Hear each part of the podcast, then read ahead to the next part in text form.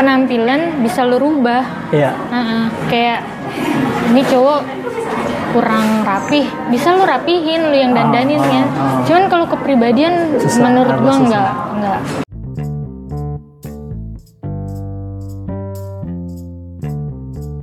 Berbicara soal cinta emang nggak ada habisnya.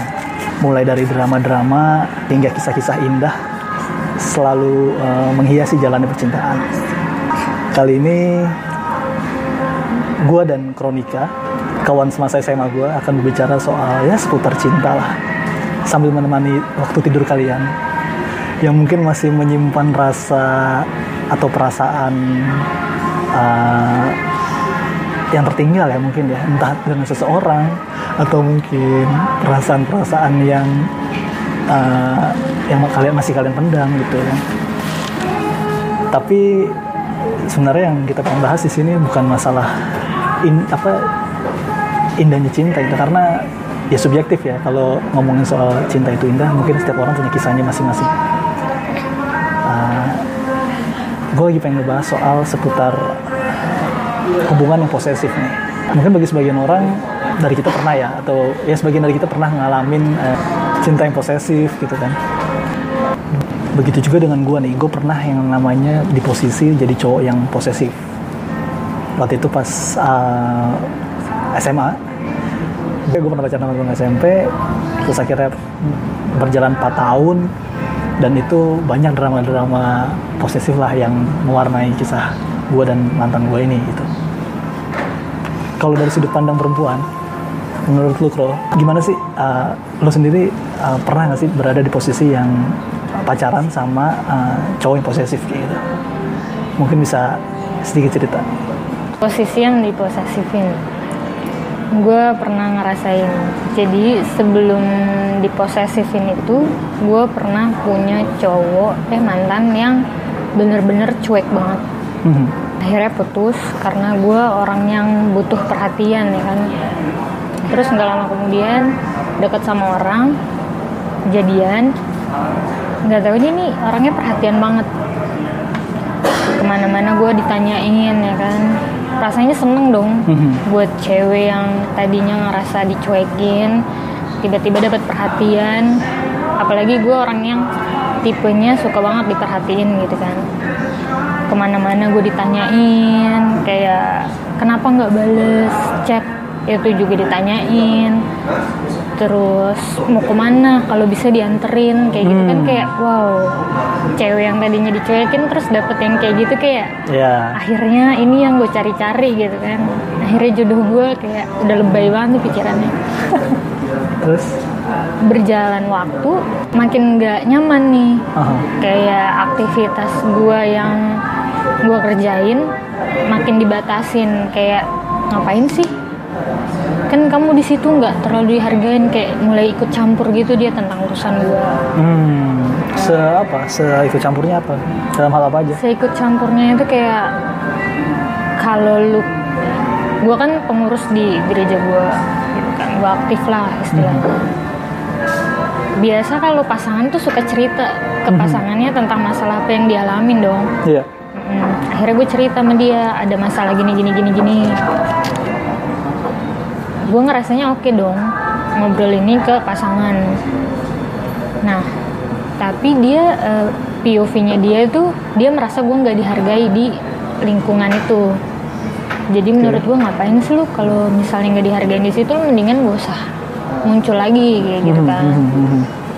terus oke gue oke lah demi nggak berantem karena gue nggak mau hubungan yang baik-baik aja tiba-tiba berantem buat hal yang nggak usah diributin lah istilahnya kayak gitu kan kayak gue juga ke mana dia mesti tanya atau pas gue nggak bales chat kayak cuman 10 menit lah istilahnya itu dia udah mulai marah-marah kayak kasih tahu dong kalau ke sini Mhm. kayak gitu kan gue udah mulai merasa wah ini rada-rada aneh nih Hmm. gitu kan terus ge- eh, aktivitas gue sama keluarga gue mulai diikut campurin juga. Oh gitu. Hmm, kayak gue kan deket sama ponakan gue ponakan gue banyak gitu kan. Mhm. biasa kalau ketemu ponakan tuh kayak jagain dia Ah. atau ini. Setiap dia ke rumah selalu ada ponakan gue gue pikir dia fine fine aja dong. Eh nggak lama kelamaan dia bilangnya gini aku ke sini bukan buat jagain ponakan kamu ya Hmm. mulai-mulai tuh gue kayak Itu di usia hubungan berapa tahun tuh? Setelah berapa tahun? memasuki uh, umur satu tahun Oh pas satu tahun udah mulai kelihatan lu nggak nyaman ya. memasuki mulai umur satu ya. tahun ya dia udah mulai yang kayak gak usah Iya. ke sini atau nanti gini gini gini Padahal awal-awal lu udah mulai kayak suka deh nih diperhatiinnya gini-gini iya gitu ya. ternyata salah salah gitu Mulai kelasnya satu tahun tadi itu. Ha. itu pun awal-awal gue jadian juga sebenarnya harusnya aneh cuman gue merasa karena Karena sebelumnya dapat beda. perhatian iya. gitu gue merasa itu wajar cuman Iya. pas gue udah putus gue pikir-pikir lagi awal-awal jadian tuh gue baru ngerasain itu aneh kayak kayak dia minta fotonya dia diposting Oh, di gitu? Heeh, di IG gue Oh, maksa banget itu kayak baru seminggu jadian oh gitu. Heeh. Terus gue yang kayak ya udah gue kan sukanya posting kalau ada momen Iya. ya kan gitu kan apalagi gue yang nggak nggak banyak postingan Kayak takut takut mungkin lu dianggap bucin banget sih lo apa gimana gitu. Nggak juga. iya nggak gitu juga gue merasa gue nggak bucin keluarga gue bilang gue bucin Oh gitu. Heeh. akhirnya dia maksa sampai bener-bener marah Hmm. sampai akhir sampai bener-bener mau berantem itu biasanya cewek yang harusnya gitu kan ya Berarti sering dong ya ngeberantemin hal-hal kecil gitu. harus banyak sebenarnya yang bisa diberantemin cuman gue nggak suka ribut orangnya Oh. Heeh. Terus akhirnya mau nggak mau gue posting dong Ah, lu yang ngalah gitu ya. iya gue ngalah ini Oke. gue kayak gue di posisi cowoknya tau nggak Ah. dia sebagai cewek gitu yang maksa-maksa cowoknya buat posting lo oke gue posting terus gak usah datang pemuda lagi Oh gitu. Heeh. Sampai ngelar ibadah ya. ngarang bener-bener set- selama setahun gue jadian sama dia setahun itu juga gue nggak aktif di Ibadah, kegiatan ibadah itu. kegiatan gue bener-bener skip buat satu tahun itu itu gue tuh Dan lu nurut ya. gue nurut karena gue nggak mau berantem dibilang bucin sih sebenarnya nggak ngerti gue masuk tahu ya, bucin itu apa enggak sebenarnya gue cuman nggak mau berantem aja Nah.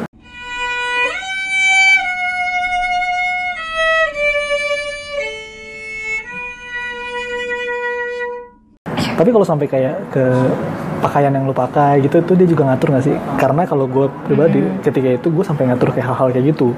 Kalau kalau misalnya uh, si mantan gue ini keluar rumah, gue suruh pakai jaket, hmm, gue suruh dia jangan pakai celana pendek, hal-hal kayak gitu. Akhirnya mantan gue ini marah kayak apa sih uh, kayak gini aja masa aku pakai jaket terus gitu terus iya iya uh, baju-baju yang gue beli jadi nggak nggak nggak kepake dong kayak gitu gitu dia ada komplain kayak gitu dulu ke gue dan dari situ gue kayak mikir oh ternyata salah nih gue nih kayak gitu. Ya, cewek nggak suka digituin. Ternyata dia nggak suka digituin dan sering berantem hal-hal apa hal-hal kayak gitu. Akhirnya pas apa namanya gue pacaran lagi gue coba gue bisa mengurangi kayak uh, posesif-posesif itu. Hmm. cuma jatuhnya jadi kayak terlalu ngebebasin. Eh malah ditikung sama yang lain. Jadi kayak Serba serba salah. salah gitu. Jadi kudunya gimana? Nah kalau lu pernah juga nggak? Sampai kayak pakaian diatur-atur kayak gitu gitu karena gue juga orangnya yang merhatiin penampilan gue. Gue Hmm. nggak yang su- nggak suka yang terbuka terbuka banget atau ya kayak gitu. Gue masih masih oke sama penampilan. Terus kalau misalnya hubungan lu dengan uh, keluarga si cowoknya ini nih apakah kan kalau tadi kan dia suka kayak posting dong di IG kalau dia sering juga nggak kayak main dong ke rumah atau gimana gitu? Sampai kayak gitu gitu nggak kalau hubungan lo dengan keluarganya si cok mantan lo ini gue sama dia nggak banyak main keluar ya kayak ke Hmm. kafe gitu nonton lebih ke ke rumah gue atau ke rumahnya dia hmm. Nah, dia ngajak pasti ke rumahnya. Terus gue juga orangnya tipenya yang nggak mau ngabisin banyak duit. Masih kayak sekarang tuh kalau keluar sekali aja kayak lu ngabisin gope lah paling dikit gitu, paling minim. Kalau di jalan berdua ya kan. Kayak makan aja udah berapa.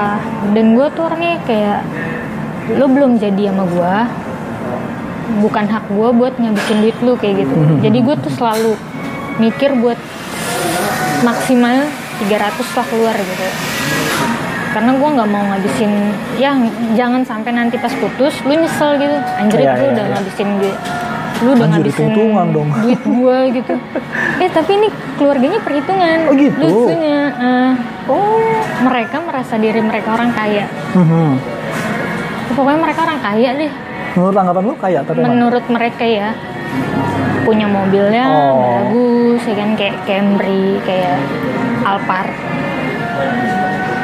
mobilnya tiga lah Anjir. Heeh, serius cuman gue ngelihatnya kayak biasa aja kehidupannya gitu Hmm. cuman pamer banget Hmm. kayak gue bisa bisa beli ini lagi kayak pamer lah pokoknya Mhm. tapi sering dicurigain lu nya Mm-mm. kan dia kadang diantarin gua sama dia jalan kadang diantarin sama supirnya oh iya Ah. Dan supirnya ternyata mata-mata bapaknya gitu. Jadi setiap anaknya kayak beliin gua laporan. Oh. Nah gak gue taunya pas itu udah setengah tahun jadian sama anaknya. Itu juga anak yang ngasih tahu. Anaknya ngasih tahu ke lu? Heeh. Man, maksudnya mantan lu ke ngasih iya tahu ke lu? mantannya ngasih tahu ke gua kalau kalau bokap? ternyata tahu. Ah, ternyata bokap selama ini nanya sama si supir ngeluarin berapa aja buat jadi setiap pulang ditanyain habis berapa? Oh gitu? Oh. Anjir ya. sedih gak kayak berarti masih ikut campur banget dong urusan anaknya padahal kan ah, udah tapi di depan gua biasa mereka tuh aja. Kayak om sama tante tuh gak ikut campur urusan kalian. Oh. Kayak kalian berdua lah yang ituin ada berantem apa diomongin gitu. Tapi di belakang gua ikut campur. anaknya tuh di kayak kamu ke sana ngeluarin berapa? Oh. Kamu ke sana ngapain aja? Hmm. jadi seakan-akan karena mereka merasa mereka orang kaya keluarga gue yang biasa aja kayak morotin dia iya gitu. iya iya. Padahal lu awalnya nggak tahu kok dia dari keluarga kaya gue juga nggak tahu kan. Gue taunya kayak dia bokapnya Batak karena dia tahu kan nyokap gue pengennya anaknya sama Batak karena tinggal gue satu-satunya anak cewek yang belum nikah. belum nikah. Dan tiga-tiganya kakak gue cewek nggak sama Batak gitu oh gitu? Heeh, oh. Jadi kayak keinginan nyokap bokap gue lah buat kroniknya nanti kamu sama Batak ya kayak gitu. Dan mereka juga yang udah nggak ada. Dan gue yang family kompleks banget. Gue nurut apa kata nyokap bokap gue. Dan kalau emang itu menurut mereka yang terbaik dan gue juga dapet yang terbaik kenapa enggak ya kan? Mhm. Gue jadian sama ini juga kayak karena bokap nyokap gue udah nggak ada. Ini kan bukan Batak kan? iya gue nanya dong sama kakak kakak gue boleh nggak gitu kan hmm. dan mereka bilang sama ucapannya tuh kayak kalau emang kamu bahagia dan emang dianya juga nge-treat kamu bagus bapak mama udah nggak ada jadi ya udah terserah kamu gitu kan. Hmm. gue udah dikasih izin. Lampu hijau lah. Ah, ya udah gue jalanin. Gue kalau diizinin sama keluarga tuh rasanya enak gitu hubungan gitu kan. Iya free. iya. Tapi ternyata baru jadian pun eh, keluarganya si cowok ini udah kayak yang lo jangan cepet-cepet minta nikah sama dia. Takutnya nanti dia udah hamil di luar nikah kayak gitu. Hmm. sama mantan yang sebelumnya. Hmm. gue juga itu tahu taunya pas udah pertengahan. Iya. Anjir pertengahan. Dia kan kayak aduh kok gue bisa jadian nama orang yang kayak gini? Dan udah anaknya maksudnya eh, ngeposesifin lo terus kemudian dapat keluarganya yang kayak gitu juga ya. Jadi keluarganya kayak diem diem toksik kayak? Terus mereka yang udah udah jalan berapa bulan dan ternyata perut gua nggak ada perubahan. Hmm. iya iya. Iya dong ternyata Eh, percaya mulai percaya. "Mm-mm. kamu mau nikah sama ini? Anaknya bilang iya dong. Ya udah. Akhirnya mereka yang kayak kepengen cepet-cepet lah Aha. jadinya. Kayak mereka yang udah nyari-nyari tempat buat nikah. Gedung Oke. lah gitu nyewa nyewa Berarti sebenarnya- nyewa di mana berarti sebenarnya udah mereka pun udah terbuka dong meskipun curiga-curiga gitu mereka pun udah sebenarnya udah mulai terbuka. Seperti itu kelihatannya kan? Ah. Heeh. tapi ternyata? keluarga gue nggak tahu tentang gue mau gue mau dinikahin oh. Jadi mereka tuh kayak udah ngerancangin sendiri Iya, bakalan iya, gini iya, gini iya. gini gini gini tanpa sepengetahuan keluarga gue Aha. dan akhirnya gue nanya dong sama mamanya ini tante gimana gimana? "Eh, gimana? Terus? Eh, masalah ngurusin ini ininya terus nyokapnya tuh yang bilang gini orang kecil nggak perlu tahu. Kayak ngomong langsung sama lu? Iya ngomong-ngomong gue kayak rendahin banget dong? Heeh, terus gue yang kayak oh oke gitu kan terus mereka maksa buat pertemuan keluarga pertemuan keluarga maksa banget. Gue bilang saat itu nggak bisa tuh. Nggak bisa karena keadaan rumah lagi ada masalah juga sama kakak gue tapi mereka yang tetap kekeh. Pertemuan pertemuan pertemuan. Akhirnya gue oke dong pertemuan. Ini nggak taunya om gue meninggal. Hmm. om kandung kan. Nggak mungkin nggak datang. Akhirnya abang gue perwakilan. Perwakilan datang ke sana. Hmm. Keluarga gue udah nyiapin semaksimal mungkin buat di keluarganya dia datang ya kan? Eh nggak taunya dia cuma datang sebentar. Dan itu gue masih belum ada di situ. Hmm. terus gak lama kemudian mereka pergi kayak kayak bilang di rumah saya lagi ada masalah gini gini gini gini. Jadi kita nggak bisa lama-lama. Padahal mereka yang insis pengen datang gitu Iya, kan? iya, iya. aneh gitu. Oh. Hmm, keluarga gue udah mulai nggak serak nih. Oh nikah kalau misalnya ini kamu mending nggak usah deh. Kayak gitu kan terus? Pertimbangin lagi gitu minta pikir-pikir lagi lah ya. Untungnya keluarga gue yang peduli gitu kan. Mereka bener-bener merhatiin gue jalan sama siapa kayak gimana orangnya gitu kan. Dan gue juga kayak yang ngeliat emang seperti ini. Dan mereka tuh udah punya rencana kalau gue udah nikah sama anaknya gue tinggal di rumahnya. Hmm.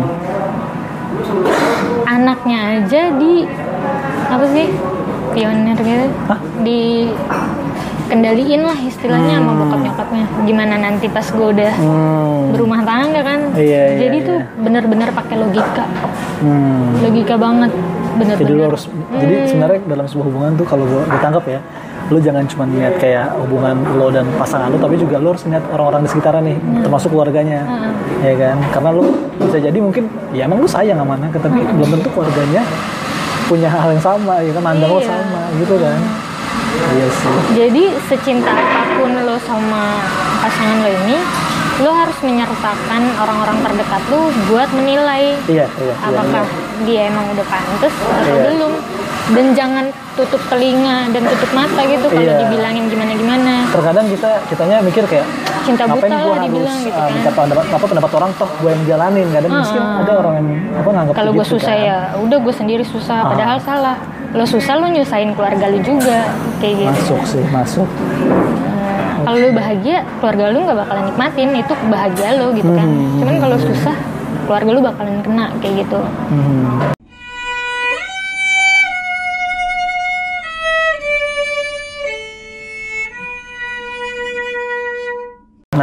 Terus kan sekarang lu akhir- artinya udah lepas dari si lepas. cowok ini kan. Nah, eh, gimana maksudnya eh, ada nggak sih rasa ketakutan kayak misalnya usia lu udah segini, apalagi ada anggapan-anggapan ya cewek eh, jangan terlalu lama lah, baiknya menikah gitu. Ah, Lu sekarang lebih, apa lebih ngejalanin hari itu kayak gimana? Kayak terus mencari apa mikirin pasangan hidup aja kah atau ada hal-hal yang pengen lu kejar kah atau gimana? Atau bukan apa atau nggak mempermasalahkan kayak ah status gua biarin aja yang penting nanti toh jodoh ada waktunya akan ketemu gitu atau gimana? gue sempat mikir sih pas gue mau minta putus itu Mhm. usia gue udah 26 nih Oke. gue mikir gitu kan kalau udah 26 gue putus kalau gue nyari lagi kemungkinan umur 30 baru nikah. Kalau dapet Lu sampai dapetnya kalkulasin gitu ya? kalau dapet dapetnya umur 26 itu juga gue dapet gitu kan. Nah, cuman karena gue merasa gue menyesal atas hubungan yang terjadi terakhir ini gue makin picky gitu. Gila hub ternyata punya hubungan tuh nggak semudah itu Oh, ya. apalagi saat lu nanti menikah. Ya. dua orang yang berbeda disatukan apalagi emang gak baik Mhm. eh, di keluarganya lah Iya. atau di dirinya lah tuh gue makin di situ gue makin mikir kalau gue pengen nyari jodoh tuh seperti apa gitu. Mhm. terus gue juga ngeliat dari kakak-kakak gue kan yang pengalaman mereka nikah gue makin mikir lagi kayak aduh gue bisa nggak sih nih ya nikah nanti atau, atau malah justru kepikiran kayak aduh gue apa nggak usah nikah aja gitu ada sempet nggak sempet gue sempet. mikir gitu kayak ya udahlah gue mau keluarga gue aja. Iya iya Nah, keluarga gue juga banyak. Keponakan gue gue nggak banyak. ngerasa kesepian juga kalau udah nikah ya kan? cuman gue kayak butuh juga. Iya. Gitu. Butuh apa nih? Butuh seseorang yang ya begitulah. Gitu loh kayak makin ke sini gue makin bisa pokoknya kalau misalnya gue doa buat minta jodoh sama Tuhan itu bisa semalaman itu minta jodoh doang kali. Hmm. saking gue pikirnya kayak nggak nggak ini juga sih nggak pikir tentang penampilannya atau gimana. Gue bener-bener sekarang nyari kepribadiannya. Terlepas dia Batak atau enggak atau masih tetap, Tetap pengen Batak, tetap Batak. tetap pengen Batak? Oh pengen memegang apa sih pesan dari orang tua lah ya. Nah, karena mm, orang tua gue pasti baik lah itunya advice buat gue hmm, ada gue nggak bakalan karena gue family kompleks tadi kan. Dan penampilan bisa lo rubah. Iya. Heeh, kayak ini cowok kurang rapih bisa lu rapihin lu yang dandanin Ah, ya. Ah, ah. cuman kalau kepribadian Susah, menurut agak gua susah. nggak nggak. Karena itu udah kebawa dari Iya, didikan orang tua mungkin ya kan sedangkan ketemu sama lu baru iya. nggak mungkin secepat itu lu lu apaan lu dewa gitu kan. Ah, pokoknya gue percaya sama sama advice orang yang udah berpengalaman lah. Mhm. gue nggak mau gue yang ngalamin sendiri gitu kayak gue udah tahu orang begini kok gue pengen ngalamin hal yang sama yang dialamin gue nggak mau. Jadi kalau advice-nya bagus gue bakalan tangkep itu. Iya iya. Nah, jadi kalau misalnya menurut dia orang udah toxic lo nggak bakalan bisa rubah gue bakalan lepas juga Hmm. nggak bakalan gue pertahanin kayak akhirnya ini kan gue gue lepas karena gue yakin gue bakalan rusak kalau gue tetap sama dia Iya. kayak gue udah lihat ke depannya bakalan gimana gitu kan Hmm. Siap siap. Hmm, Mungkin ada satu kata penutup kayak misalnya apa sih lo memandang apa ya hubungan di mata lo seperti apa atau cinta seharusnya seperti apa atau pasangan tuh seharusnya seperti apa supaya para pendengar kita bisa belajar dari kisah lo yang hari ini gitu. tua gue tua ya gue nggak pengalaman pengalaman amat tentang Ya intinya hubungan. tadi Iya. mungkin kalau yang bisa gue tarik mungkin dari yang cerita gue lo. alami aja ya ya lo bener-bener pakai logika waktu saat lo pacaran lo jangan cintai dia 100% lo nggak mungkin 100% karena saat lo menikah pun nggak bisa 100% juga Ya. karena akan terbagi-bagi kan apalagi saat lo pacaran Ya. se sejalannya aja lah kalau emang nyambung dan baik ya oke jalanin gitu kan Siap mencintai, siap kehilangan juga lah. Mm-mm. Dan logikanya benar-benar dipakai jangan karena lu cewek Iya. lo nggak pakai logika gitu. Kayaknya itu juga berlaku buat cowok gak sih? cowok juga. Harusnya cowok juga. kebanyakan cowok sekarang kayak oh udah dapet nih akhirnya cewek. Cuman ternyata nggak sesuai sama pribadinya tapi tetap dipaksain. Karena takut nanti susah lagi ketemu gitu kan. Sekarang tuh kayak gitu atau ya udah lepas dan ya udah gue mendingan gak usah punya hubungan lagi kayak gitu Iya. kan sekarang sekarang orang udah kayak bodo amatan lah Iya. mau lu nanti nikah apa enggak gue udah Iya. sekarang udah bisa ngapain aja gitu yang penting sendiri juga bahagia istilahnya kayak gitu kan. Asli asli. Gue sih mikir gitu juga sih. Heeh, daripada lu ada tapi lu beban Iya. eh, Tapi kadang-kadang juga ada sih teman-teman yang oh udah pada nikah gitu terus gue ah oke ada sih perasaan gitu kayak ada sih. eh, aduh gue kapan ya? Aduh gue kok belum ya? Aduh gimana Eh, nih? tapi ada gua- perasaan-perasaan khawatir sedikit tapi itu nggak mengganggu gue tos setelah itu kayak gue harus dapat gue harus gini. Enggak. Oh, enggak, enggak. kayak ketika teman-teman deket gue pada nikah oke gue aja lo nikah. Apa lo pada Iya, udah iya. tapi gue kayak silakan gue belum. Tapi ya gue nggak masalah gue nggak pengen buru-buru gua banget gitu. nanti bakalan dikasih Tuhan kok. Iya ada waktunya lah kayak ada gitu. waktunya lu sabar aja. Gue kadang sampai sekarang juga kayak Tuhan mau sekarang juga sih sebenarnya. Pengen cepet-cepet juga sih. Kayak males banget. Cuman gue nggak mau ngejalanin yang udah makan belum. Ah, Eh, lagi ngapain? lah kayak lah. itu bukan bukan des- kita lagi gitu kayak. Itu mah udah zaman zaman SMP saya kita nyambung nih. nikah yuk. Waduh udah yang kayak gitu tuh. Cuman kan ya pokoknya kayak gitu. Pokoknya logika banget. Dan bener-bener lu berdoa Iya. sekarang tuh bener-bener berdoa ya emang bener-bener minta sama Tuhan lu gitu. Emang lu bakal dipertemukan kalau emang emang lu udah klop.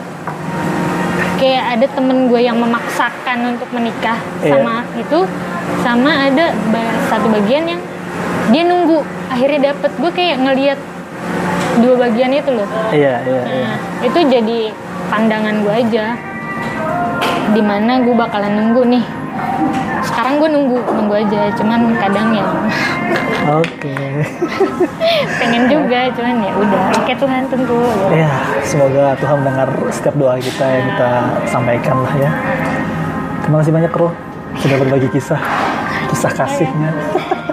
Semoga kita tidak terjebak dalam hubungan yang toksik lah. Iya, jangan sampai. Iya jangan sampai lah. Oke terima kasih sudah mendengarkan semoga membantu. semoga membantu. Semoga ya membantu kita juga nih.